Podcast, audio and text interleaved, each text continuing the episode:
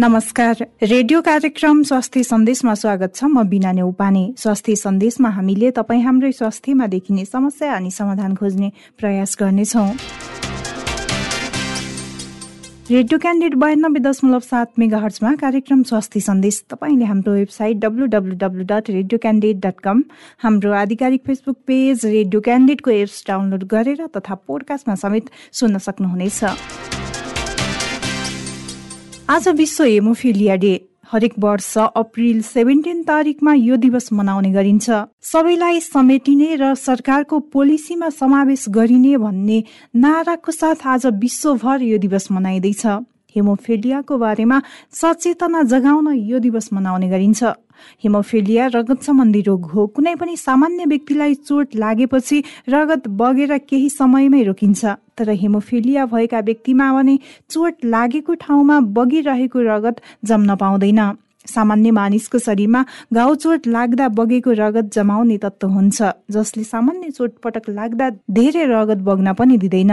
शरीरमा रगत जमाउन आवश्यक तत्त्वहरूको कमीको कारण लामो समयसम्म रक्तस्राव भइरहने अवस्था हिमोफिलिया हो अथवा लामो समयसम्म रगत बगिरहने अवस्था हिमोफिलिया हो। जसले गर्दा सानो चोटपटक लाग्दा पनि धेरै रगत बग्ने समस्या देखिने गरेको छ। मांसपेशी र जोड्नीमा आन्तरिक रूपमा रक्तस्राव भएपछि शरीरमा निलो टाटा अथवा निलो दाग पनि देखिन सक्छ। त्यसैले आजको स्वास्थ्य सन्देशमा हामी यसै विषयमा केन्द्रित हुँदैछौँ। नेपालमा पनि हेमोफिलियाका बिरामीहरू असङ्ख्य छन् र अरू देशको तुलना जस्तै नेपालमा पनि डायग्नोस्टिक र रोगको पहिचान गर्ने संयन्त्रहरू कम छन्। त्यही भएर चाहिँ यो वर्षको वर्ल्ड फेडरेसन अफ हेमोफिलियाले चाहिँ नारा नै बनाएको छ access to all and include in the government policy. कार्यक्रम सुरु गरौँ आजको जानकारीबाट। आजको जानकारीमा हामीले हेमोफिलियाको बारेमा नै जानकारी दिँदैछौँ। हेमोफिलिया कस्तो समस्या हो अथवा कस्तो रोग हो भनेर जानकारी दिँदै हुनुहुन्छ साथी माधव तिमल सिन्हा। हेमोफिलिया वंशानुगत समस्या हो तर कसैमा वंशानुगत नभएर अन्य कारणले पनि हुन सक्छ। रगतमा विशेष प्रकारको प्रोटिन फ्याक्टरको कमी भए वा सो फ्याक्टरको अनुपस्थिति भएमा रगत जम्न ढिलाइ हुन्छ र लामो समयसम्म रगत नरोकिन सक्छ। यही समस्यालाई हिमोफिलिया भनिन्छ। रक्तस्रावको स्थितिमा हाम्रो शरीरले सु रक्तस्राव रोक्न तीन चरणको कार्य गर्दछ। रक्तस्राव भएको स्थानको रक्तनलीहरूमा सङ्कुचन हुन्छ प्लेटलेट प्लगको निर्माण हुन्छ। छालामा फाइब्रिन जालोको निर्माण भई रक्तस्राव रोकिन्छ तर हिमोफिलिक व्यक्तिमा फ्याक्टर आठ वा फ्याक्टर नौको मात्रा रगतमा कम हुने भएकोले छिट्टै फाइब्रिन जालोको निर्माण हुन सक्दैन र रक्तस्राव धेरै समयसम्म जारी रहन्छ। यसका साथै सामान्य वा ठुलो चोटपटक लागेमा वा ठोकिएमा होमोफिलिकहरूमा आन्तरिक रक्तस्रावको कारणले गर्दा घुँडा कुहिना जस्ता जोर्नी वा मांसपेशीहरू सुन्निने र दुख्ने हुन्छ। हिमोफोलिया प्राय पुरुषहरूमा हुन्छ महिलाहरू नगड्य रूपमा मात्र पीडित हुन्छन्। प्रति दस हजार शिशुहरूमा एकजना हिमोफिलिक हुने सम्भावना हुन्छ। हिमोफिलिया महिलाहरू मार्फत सर्ने हुन्छ त्यसैले महिलाहरूलाई बाहक पनि भनिन्छ। हिमोफिलिया एक्स क्रोमोजोमबाट मात्र सर्दछ। सानो बालकको शरीरमा निलडाम देखिन सक्छ दाँत फेरिँदा लड्दा वा शल्यक्रिया गर्दा धेरै समयसम्म रक्तस्राव हुन सक्छ। जुन हिमोफिलियाको स्पष्ट लक्षण हो। रगतको विशेष प्रकारको परीक्षण जसलाई फ्याक्टरका एसचे भनिन्छ। यही परीक्षणबाट हिमोफिलियाको पहिचान गरिन्छ। फ्याक्टर आठको कमी भएमा हिमोफलिया ए र फ्याक्टर नौको कमी भएमा हिमोफलिया बी भनिन्छ। यही फ्याक्टरको मात्रा अनुसार हिमोफिलियाको गम्भीरता निर्धारण हुन्छ। फ्याक्टरको मात्रा एक प्रतिशतभन्दा कम भएमा गम्भीर एकदेखि पाँच प्रतिशतसम्म भएमा मध्यम र छ प्रतिशतभन्दा माथि भएमा अल्प हिमोफिलिया भनिन्छ। हिमोफिलियाको उपचार रगत तथा रक्त तत्त्वहरू प्रतिस्थापन गरेर गरिन्छ। धेरै रक्तस्राव भएको अवस्थामा ताजा रगत दिएर उपचार गरिन्छ तर आन्तरिक रक्तस्राव भई जोर्नी वा मांसपेशी सुन्निएको अवस्थामा प्लाज्मा वा क्रायो प्रेसिपिटेट दिनुपर्दछ।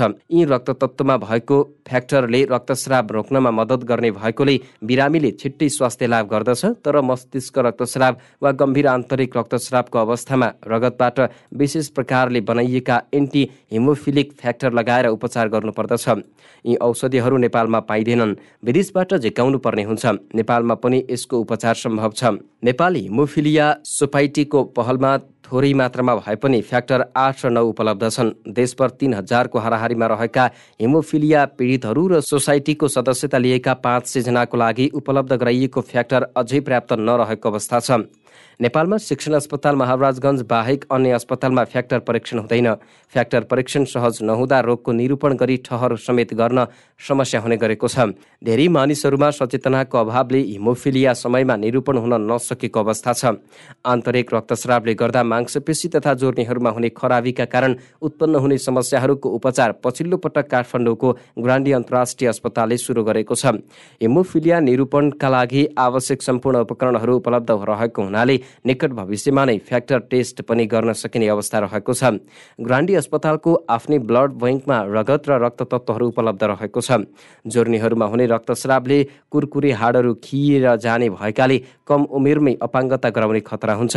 त्यसबाट बचाउन अर्थोस्कोपिक क्लिनिक साइनोभेक्टोमी तथा हिमोफिलिया फ्रेन्डली फिजियोथेरापी धेरै खिएर काम नलाग्ने अवस्थामा रहेको जोर्नी प्रत्यारोपण पनि गरिन्छ। हेमोफिलियाको बारेमा जानकारी दिँदै हुनुहुन्थ्यो साथी माधव तिमल सिन्हा। रेडियो क्यान्डिड बयानब्बे दशमलव सात मेगा हर्जमा कार्यक्रम स्वास्थ्य सन्देश। तपाईँले हाम्रो website W W W dot radio candid dot com हाम्रो आधिकारिक फेसबुक पेज रेडियो क्यान्डिडको एप्स डाउनलोड गरेर तथा पोडकास्टमा समेत सुन्न सक्नुहुनेछ। सामान्यतया हेमोफिलियाको लक्षण छ महिनादेखि एक वर्षको उमेरमा थाहा हुन्छ। विश्व स्वास्थ्य संगठनका अनुसार हरेक दस हजार व्यक्तिमा एकजनालाई हेमोफिलिया हुने गरेको तथ्याङ्क छ। नेपालमा अहिले सन्तानसँग जोडेर धेरै आनुवंशिक समस्याहरू देखिन थालेको छ। बच्चा नहुने अपाङ्ग वा अशक्त हुने जन्मिने बित्तिकै वा एक हप्तामा खेर जाने उमेर पुग्दा समेत रजस्वला नहुने समस्या धेरै देखिएको छ। हिमोफिलिया रक्त क्यान्सर एनिमिया सिकल सेल जस्ता रोगहरू पनि देखिएको छ। जेनेटिक रोग लागेपछि त्यसको अन्त्य सम्भव छैन। त्यसैले पहिला नै पहिचान गर्न सकियो भने समाधान अवश्य गर्न सकिन्छ। कतिपय यस्ता रोगहरू आउने पुस्तामा हस्तान्तरण नहोस् भनेर आफ्नो पुस्तामा नै रोकथाम गर्न पनि सकिन्छ। त्यसैले आजको स्वास्थ्य सन्देशमा हामी यसै विषयमा अर्थात् हेमोफिलिया कस्तो रोग हो भनेर कुराकानी गर्दैछौ। कुराकानी गर्नको लागि हामीसँग हुनुहुन्छ वीर अस्पतालमा कार्यरत रक्त रोग तथा रक्त क्यान्सर रोग विशेषज्ञ डाक्टर निरज कुमार सिंह सुनौ उहाँसँग गरिएको कुराकानी। स्वागत छ डाक्टर साहब स्वास्थ्य सन्देशमा। धन्यवाद। आज विश्व हिमोफिलिया डे कसरी मनाइँदैछ? अब हेमोफिलिया भनेको एक तरिकाको वंशानुगत रोग हो। यो चाहिँ संसारभरि नै वर्ल्ड फेडरेसन अफ हेमोफिलियाको मार्फतका देशहरूले जहाँ वर्ल्ड फेडरेसन अफ हेमोफिलिया भन्ने हेमोफिलियाका विश्वव्यापी संस्था छन् संस्थाले चाहिँ आफ्नो अन्डरका देशहरू जहाँ उनीहरूले चाहिँ सपोर्ट गरेका हुन्छन् यसका औषधिहरू चाहिँ नि शुल्क दिएका हुन्छन्। त्यो देशहरूले चाहिँ वर्ल्ड फेडरेसन अफ हेमोफिलियाको अवधारणा अनुसार नै चाहिँ हामीले अप्रिल सेभेन्टिनमा चाहिँ वर्ल्ड हेमोफिलिया डे मनाउँछौँ। यसपालिको हेमोफिलिया डेको नारा चाहिँ एसएस टु वर्ल्ड भन्नाले सबैलाई सबैलाई समेटिने र गभर्मेन्टको पोलिसीमा चाहिँ हेमोफिलिया इन्क्लुड गर्ने भनेर अवधारणा यो वर्षको छ। यो दिवस मनाइरहँदाखेरि मनाउन त अब हिमोफिलिया डे भनेर विश्वव्यापी रूपमा नै मनाइरहेछौँ। तर नेपालमा नै कतिपयले चाहिँ अब यो रोग भनौँ अथवा आफूलाई के भइरहेछ भनेर सम्बन्धित व्यक्तिलाई पनि थाहा नभएको अवस्था छ क्या? यसलाई चाहिँ कसरी बुझ्ने? अब विश्व स्वास्थ्य सङ्गठनको तथ्याङ्क अनुसार र वर्ल्ड फेडरेसन अफ हिमोफिलियाको तथ्याङ्क अनुसार चाहिँ हरेक दस हजारजनामा एकजना हेमोफिलियाका व्यक्तिहरू जन्मिन्छन्। र एकजना व्यक्तिबाट उसको सम्पूर्ण परिवार नै हेमोफिलियाका हेमोफिलिया ग्रसित भएको हुन्छ। त्यो अवधारणा अनुसार चाहिँ अहिले नेपालको जनसङ्ख्याको अनुपातको आधारमा चाहिँ हामीले कम्तीमा पनि चार हजारदेखि पैँतालिस सय चाहिँ हेमोफिलियाका बिरामीहरू हुने तथ्याङ्कबाट देखिएका छन्। तर अहिलेसम्म हामीले पत्ता लागेका बिरामीहरू चाहिँ जम्मा नौ सयजनाको हाराहारीमा छन्। सो बाँकी सबै बिरामीहरू अझै पनि यो रोगले ग्रसित छन् तर थाहा नभएर या सम्बन्धित पहिचानहरू नभएको कारणले गर्दाखेरि विभिन्न समस्याबाट ग्रसित छन्। या भनौँ यो रोगको कडा खाले समस्याबाट मृत्युवरण पनि भइरहेका होलान्। यति बेला हामीलाई जति पनि सुनेर बसिरहनु भएको छ नि अब हिमोफिलिया डी भनिन्छ। अब कतिपयलाई यो भनेको के हो पनि थाहा छैन होला क्या डाक्टर साहब। अब यो हिमोफिलिया समस्या चाहिँ अब कस्तो कस्तो खालको समस्या भयो भने हामीले हिमोफिलिया भयो भनेर बुझ्न सक्छौँ? अब हेमोफिलिया साधारण भाषामा बुझ्नु पर्दाखेरि हाम्रो शरीरमा चाहिँ रगत जमाउने या रगत पातलो गर्ने यो दुईटा तत्त्वको एउटा ब्यालेन्स हुन्छ शरीरमा। यो ब्यालेन्सको गडबडी भयो भने चाहिँ शरीरमा आइदर रगत जम्छ अथवा रगत रगत बग्छ रक्तस्राव हुन्छ जसको चाहिँ हामीले ब्लिडिङ भन्छौँ। यो हेमोफिलिया चाहिँ एक तरिकाको जेनेटिक डिसअर्डर भने अनुवांशिक रोग हो। यसमा चाहिँ रगतलाई चाहिँ जमाउने तत्त्वहरूको कमी हुन्छ। जमाउने तत्त्वहरूलाई साधारण ल्याङ्ग्वेजमा चाहिँ हामीले क्लटिङ फ्याक्टर्स भन्छौँ। यो क्लटिङ फ्याक्टरको कमी भयो भने चाहिँ शरीरमा चाहिँ रगत चाहिँ जम्न पाउँदैन। या रगत एउटा सर्टेन टाइम भएपछि ब्लिडिङ जुन रोकिन्छ त्यो रोकिन पाउँदैन। नरोकिएको कारणले गर्दाखेरि शरीरको जुनसुकै भागमा चाहिँ रक्तस्राव हुन्छ।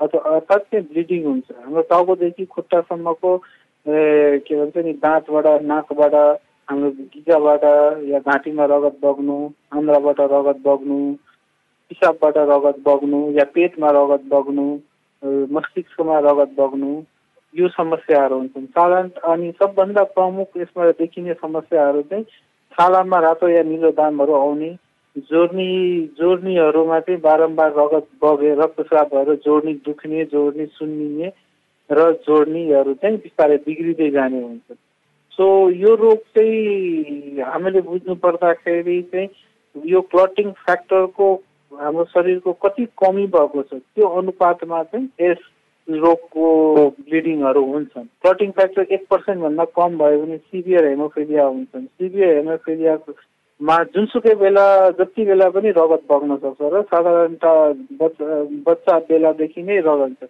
हामीले अहिलेसम्म डायग्नोसिस गरेका जति बिरामी छन् नेपालमा सबै चाहिँ सिभियर बिरामीहरू छन्। सिभियर बिरामीहरू समस्या देखिएर उहाँहरू चाहिँ उपचार गर्ने संस्थामा या उपचार गर्ने आएर उहाँका हेमोफिलिया डायग्नोसिस भएका छन्। तर अघि मैले भने जस्तै चाहिँ पैँतालिस हजार मध्येमा अब लगभग अब तिन हजार पैँतिस सय बिरामी त अनडाइग्नोस अनडाइग्नोसहरूलाई चाहिँ सिभियर हेमोफिलिया नभएको माइल्ड या मे मोडरेट भएको हुनसक्छ उसको चाहिँ साधारणत धेरै समस्या नदेखिने कहिले काहीँ समस्या देखिने त्यसलाई चाहिँ हामीले वास्ता गर्दैनौँ। सो कुनै पनि शरीरको कुनै पनि भागबाट रगत बग्यो या रगत चाँडै बन्द भएन। जोर्नी मासु या छालाहरूमा चाहिँ रगत बग्यो। पिसाब पिसाबबाट रगत गयो भने चाहिँ यो रक हेमोफिलिया हुनसक्छ भनेर चाहिँ शङ्का गर्नुपर्ने हुन्छ। पक्कै पनि यति बेला स्वास्थ्य सन्देशमा हाम्रो कुराकानी सुनेर जति पनि बस्नु भएको छ नि उहाँहरूमा पनि अब यस्तो खालको लक्षण देखा परेको छ भने उहाँहरू पनि अस्पताल जानुहुनेछ अथवा सम्बन्धित चिकित्सकसँग परामर्श लिनुहुनेछ भन्ने आशा गरौँ होइन? अझै पनि हाम्रो तथ्याङ्क अनुसार त तिन हजारभन्दा बढी यो उपचारको पहुँचमा आउन सक्नु भएको रहेनछ होइन?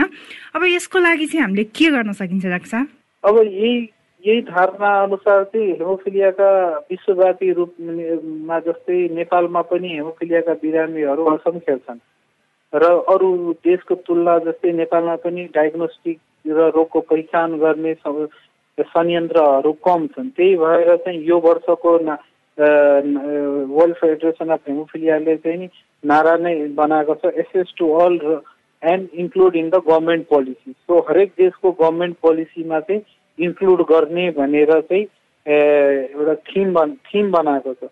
सो यो चाहिँ जबसम्म गभर्मेन्टको पोलिसीमा ब्लिडिङ डिसअर्डर या हेमोफिलिया गभर्मेन्टको पोलिसीमा हुँदैन तबसम्म यसको डायग्नोसिस पनि गाह्रो हुन्छ र डायग्नोसिस भएन भने रोगको कम्प्लिकेसन भइसकेपछि उपचार गर्न अझै गाह्रो हुन्छन् र साथै साथै यसको उपचार र औषधिहरू चाहिँ धेरै महँगो र खर्चिलो व्यक्तिको सामर्थ्यभन्दा बाहिर भएकोले चाहिँ राज्यले या गभर्मेन्टको पोलिसीमा चाहिँ आवश्यक हुनै पर्छ भने गरियो भने मात्रै चाहिँ या त समयमै पहिचान हुन्छन्। या यसको उपचार हुन सक्छन्। अब हामीले देख्दाखेरि अब यो नेपालको सबै ठाउँमा उपचार पनि हुँदैन त्यो पनि काठमाडौँ केन्द्रित छ होइन? त्यसमा पनि अब हामीले अहिले देख्दाखेरि जम्मा दुईजना डक्टरहरू यसमा लागि पर्नु भएको छ क्या? यो अवस्थामा यो जति पनि उपचारको पहुँच बाहिर रहेका छन् नि उहाँहरूलाई चाहिँ हामीले उपचारमा लिएर आउन सक्छौँ त यदि सरकारको पोलिसीमा भयो भने पनि? सरकारको पोलिसीमा चाहिँ दुई वर्ष अगाडि चाहिँ सरकारले सरकारको चाहिँ एउटा नीति बनाएको छ। रगतजन्य अनुवांशिक रोगको रोकथाम तथा उपचार राष्ट्रिय नीति भनेर सेभेन्टी सिक्समा। यो पोलिसी बनाएको थियो। पोलिसीको रणनीतिहरू चाहिँ बनाउने यो कोभिडले गर्दाखेरि रणनीतिहरू ढिलो भयो। रणनीतिहरूको छलफल हुँदैछन् रणनीतिहरूको अन्तरिम रूपरेखा चाँडै नै आउँछन्। र बिस्तारै बिस्तारै सरकारले पनि यो रोगलाई यो रोग एउटा चाहिँ public health issue public health issue जस्तै भएको कारणले यो रोगको पोलिसीमा इन्क्लुड गरिएको छ पोलिसीको अवधारणाहरूले चाहिँ हरेक आधारभूत केन्द्रदेखि लिएर एउटा टर्सरी सेन्टरसम्म चाहिँ उपचार गर्ने पद्धतिहरू चाहिँ विकास हुन्छ। र यसमा चाहिँ कस्तो हुन्छ भने यो रोगलाई चाहिँ हेमाटोलोजिस्टले मात्रै ट्रिट गर्ने भनेर यसको बेसिक ट्रिटमेन्ट हरेक गाउँपालिका लेभलको अस्पतालमा के भन्छ हेल्थ केयर या पारामेडिक्सहरू डक्टर या पारामेडिक्सहरूले पनि गर्न सक्छन्। उहाँको समस्याको पहिचान समयमै औषधि दिने या उहाँको प्रोफाइलेक्टिक ट्रिटमेन्ट दिने या रगत दिनुपर्ने कुराहरू चाहिँ त्यो हुन्छन्। पहिचानको पहिचानको दायराहरू चाहिँ बढाउँदै जाने र यसको कम्प्लिकेसन भएको बेलामा चाहिँ विशेषज्ञ नै चाहिन्छ। तर साधारणतः आधारभूत चिकित्साको लागि चाहिँ सरकारले नीतिमा चाहिँ इन्क्लुड गरेका जसले पनि जुनसुकै स्वास्थ्य कर्मीले पनि यसको उपचार गर्न सक्छन्। भनेको यसरी बुझ्दा पनि भयो कि अहिले अब स्थानीय तहमा रहेको अस्पतालले पनि सुरुवाती चरणमा यसको उपचार गर्न सक्ने भयो। हजुर जस्तै हामीले चाहिँ नेसनल गाइडलाइन पनि अब बनाउँदैछौँ। यो गाइडलाइन अनुसारले चाहिँ एउटा चाहिँ हेमोफिलियाको बिरामीहरूलाई चाहिँ विश्वव्यापी मान्यता अनुसार चाहिँ शरीरमा रेगुलरली हप्ताको दुई दिन या हप्ताको तिन दिन चाहिँ क्लटिङ फ्याक्टर दिइराख्ने एउटा सर्टेन डोजमा उसको वेटको आधारमा चाहिँ एउटा डोज क्यालकुलेट गरेर हप्ताको दिइराख्ने। सिम्पल एउटा इन्जेक्सन मात्रै दिइराख्यो भने चाहिँ ऊ स्वस्थ व्यक्ति सर नै हुन्छ। उसको ब्लिडिङ हुन पाउँदैन। ब्लिडिङ भएपछि ब्लिडिङ पछिका कम्प्लिकेसन हुन पाउँदैन। र त्यो अनुसारले भयो भने हामी प्रेग्नेन्सी एउटा बच्चा जन्मिने प्रेग्नेन्सीको पिरियडदेखि लिएर एउटा बच्चा जन्मिने पिरियडमै डायग्नोसिस गर्न सक्छौँ। यदि सरकार नीति र गाइडलाइनहरूमा आयो भने। सो उसको जन्मेदेखि नै उपचार हामीले गर्न सक्यो भने चाहिँ यो एउटा चाहिँ सहज पहुँचमा सबैको सहज पहुँचमा हुन्छ। सबैले आफ्नो पाएक पर्ने ठाउँमा उपचार गर्न सक्छन् र रोगबाट हुने मृत्यु दरहरू घटाउन सकिन्छ। रोगबाट हुने डिसेबिलिटीहरू अपाङ्गताहरू चाहिँ घटाउने मात्र होइन पुरापुरी हामीले चाहिँ बचाउन सकिन्छ। मैले यसैमा जोडिहालेँ डाक्टर साहब होइन? अब जन्मेदेखि नै उपचारको पहुँचमा भयो भने अब यो हुन सक्ने समस्या अथवा मृत्युलाई नै घटाउन सकिन्छ त भन्नुभयो। अब यो आनुवंशिक रोग अन्तर्गत नै पर्छ हिमोफेलिया होइन? जन्मिने बित्तिकै पत्ता लाग्यो उपचारको पहुँचमा सुरुवाती अवस्थाबाट नै उपचार गर्न थाल्यौँ भने आउने सन्तानमा भनौँ अथवा आउने पुस्तामा चाहिँ समस्या देखा पर्छ कि पर्दैन? अब यो अनुमान मानसिक रोगको के भन्छ नि पिँढी दर पिँढी रोगहरू चाहिँ सर्दै जाने हुन्छ। आमा बुवालाई छ भने उसको बालबच्चाहरूलाई पनि रोग हुँदै जान्छ। हो बालबच्चाबाट एक पिँढीबाट अर्को पिँढीलाई चाहिँ बचाउन सक्ने सबै प्रावधानहरू छन्। नेपालमा पनि उपलब्ध छन्। हामीले चाहिँ बिस्तारै अब हेमोफिल अहिलेसम्म हामीले चाहिँ थ्यालेसिमिया सिकल सेलहरूको चाहिँ म्युटेसन स्टडिजहरू चाहिँ गर्दैछौँ। हेमो हेमोफिलियाको म्युटेसन स्टडी चाहिँ गर्न पाएको छैन। हामीसँग चाहिँ एनजिएस नेक्स्ट जेनेरेसन सिक्वेन्सिङ नभएको कारणले त्यसको चाहिँ नि हामीले म्युटेसन पहिचान गर्न सकिरहे सकेका छैनौँ। त्यो म्युटेसन पहि त्यो पनि मेसिन हाम्रो सरकारले चाहिँ दिने प्रतिबद्धता गरेको छ। त्यो मेसिन आयो भने चाहिँ हामी हेमोफिलियाका बिरामीहरूलाई पनि चाहिँ हामीले म्युटेसन स्टडी गर्न सक्छौँ। र उसको म्युटेसन स्टडी भएर उसको आउ एउटा रोगीको रोगीबाट हुने बच्चालाई चाहिँ हन्ड्रेड पर्सेन्ट चाहिँ बचाउन सक्छौँ हामीले। एउटा पिँढीबाट अर्को पिँढीमा चाहिँ रोग हामीले चाहिँ कम्प्लिट जेनेटिक डिजिजको चाहिँ प्रिभेन्सन बाहेक अरू कुनै उपाय छैन। अनुमानसिक रोगहरूको चाहिँ रोकथाम नै सबभन्दा प्रमुख हो। एक एकचोटि बिरामी भइसकेपछि उसको उपचार खर्च उसको हुने मानसिक तनाव शारीरिक समस्या आर्थिक समस्या चाहिँ धेरै नै ठुलो पक्कै पनि यति बेला जति पनि स्वास्थ्य सन्देशमा हाम्रो कुराकानी सुनेर बसिरहनु भएको छ उहाँहरूमा पनि अघि नै यहाँले भनिसक्नु भएको छ लक्षणहरू त्यस्तो खालको लक्षण देखा पर्यो भने उपचारको पहुँचमा आउनुहुनेछ भन्ने आशा गरौँ होइन? अब पछिल्लो समय वीर अस्पतालमा अब आनुवंशिक रोगको निशुल्क उपचार हुने भनेर घोषणा पनि भइसकेको छ होइन? अहिलेको अवस्थामा त्यहाँ चाहिँ अब कतिजना बिरामी हुनुहुन्छ उपचार कसरी भइरहेछ डाक्टर अब हेमोफिलियाको उपचार त निशुल्क जस्तै निशुल्क जस्तै नै नेपाल हेमोफिलिया सोसाइटीको सहयोगमा चाहिँ लगभग पच्चिस छब्बिस वर्षदेखि नै वीर हस्पिटलमा चाहिँ नि शुल्क फ्याक्टर फ्याक्टर दिने या नि शुल्क अरू कुराहरू हुँदैछन्। अब यो वर्षदेखि चाहिँ नेपाल सरकार वीर हस्पिटल आफैले चाहिँ सबै कुराहरू गरिरहेका छन् वर्ल्ड फेडरेसन अफ हेमोफिलियाले चाहिँ हामीलाई यो क्लटिङ फ्याक्टरहरूको आवश्यकता अनुसारले कटिङ फ्याक्टरहरू चाहिँ नि शुल्क प्रोभाइड गरिराखेका छन्। त्यस्तै सरकारले पनि के के अरे केन्द्रीय सरकार र प्रदेश सरकारले पनि चाहिँ नि शुल्क हामीलाई चाहिँ फ्याक्टरहरू उपलब्ध गराइदिएका छन्। यो बाहेक हेमोफिलियाका परीक्षणहरू पनि चाहिँ नि शुल्क हुँदै छन्।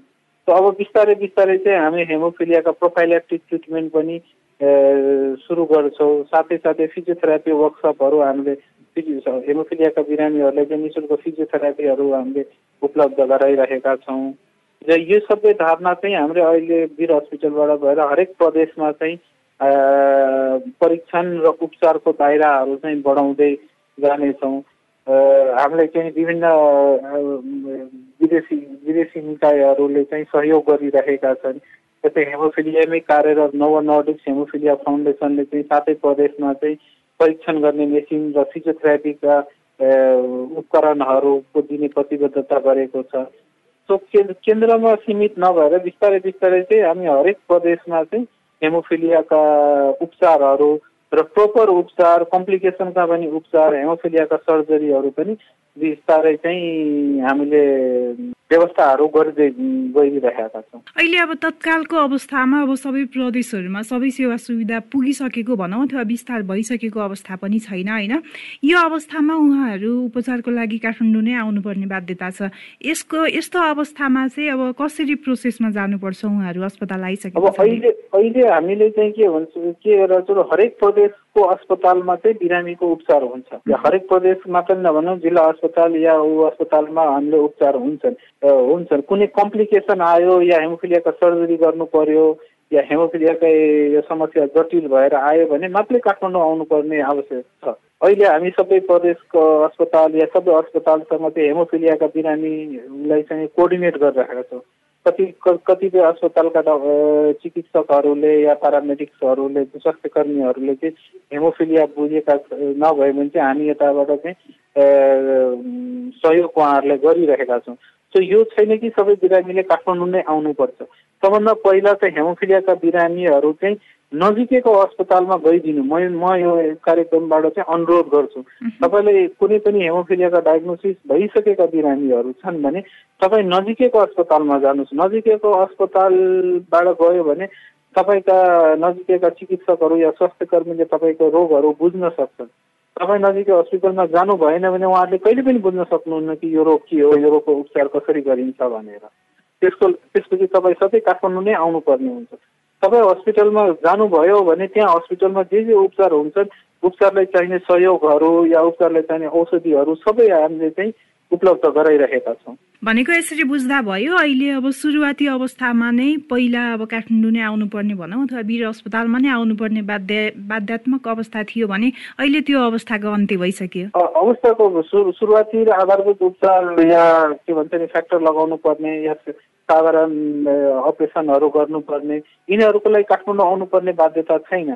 काठमाडौँको चाहिँ मेजर अपरेसन या मेजर कम्प्लिकेसन भयो या ठुलो अपरेसनै गर्नु पर्यो या इनिभिटरहरू डेभलप भयो भने मात्रै काठमाडौँ आउनु पर्यो त्यो पनि काठमाडौँ आउनु पर्दैन त्यसको लागि पनि हामीले चाहिँ कोअर्डिनेट गरेर सम्बन्धित ठाउँमा नै उपचारको व्यवस्थाहरू चाहिँ गराइरहेका छौँ र भोलि पनि गराउने नै छौँ। पक्कै पनि अब जति पनि यो रोगबाट सङ्क्रमित हुनुहुन्छ उहाँहरूलाई अब यो खुसीको कुरा नै हो होइन? अहिले अब जति पनि उपचारको पहुँचभन्दा बाहिर हुनुहुन्छ नि अब हिमोफेलिया भएर पनि उहाँहरूलाई चाहिँ उपचारमा लिएर आउनको लागि चाहिँ के गर्नु पर्ला तपाईँ हामीले भनौँ अथवा सरकारी पक्षबाट?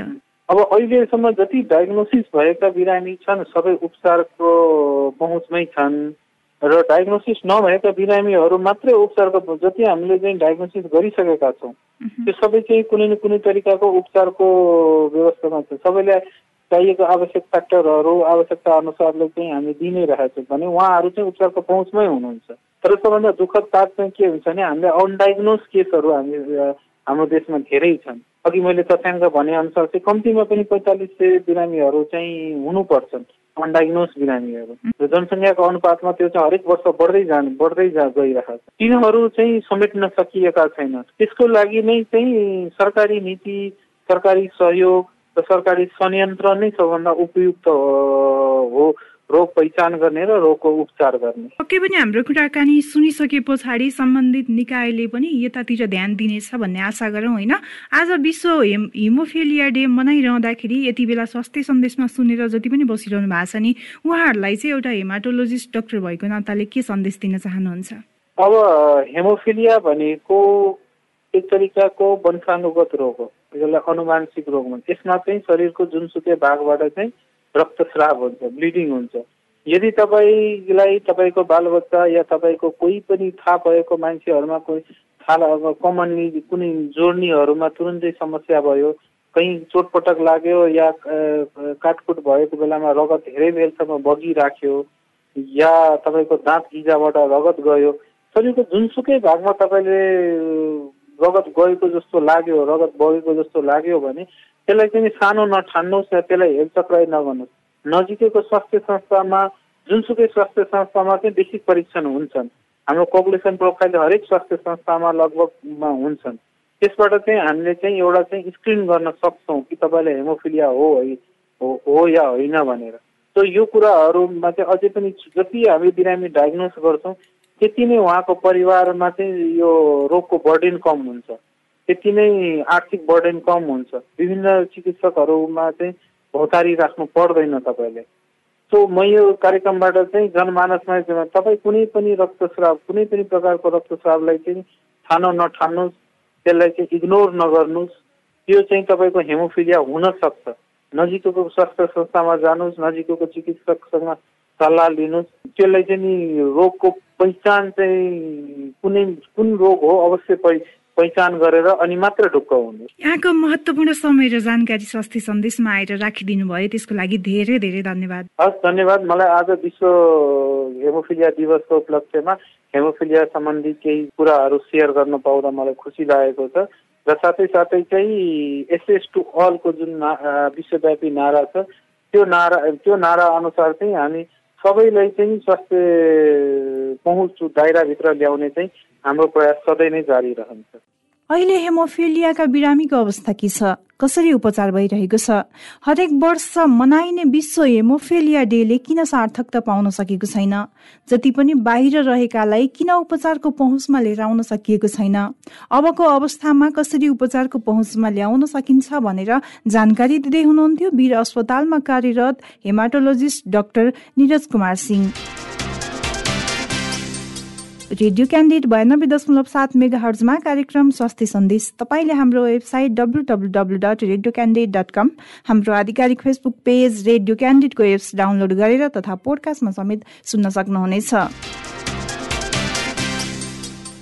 नियमित कार्यक्रम स्वास्थ्य सन्देश तपाईँलाई कस्तो लाग्यो?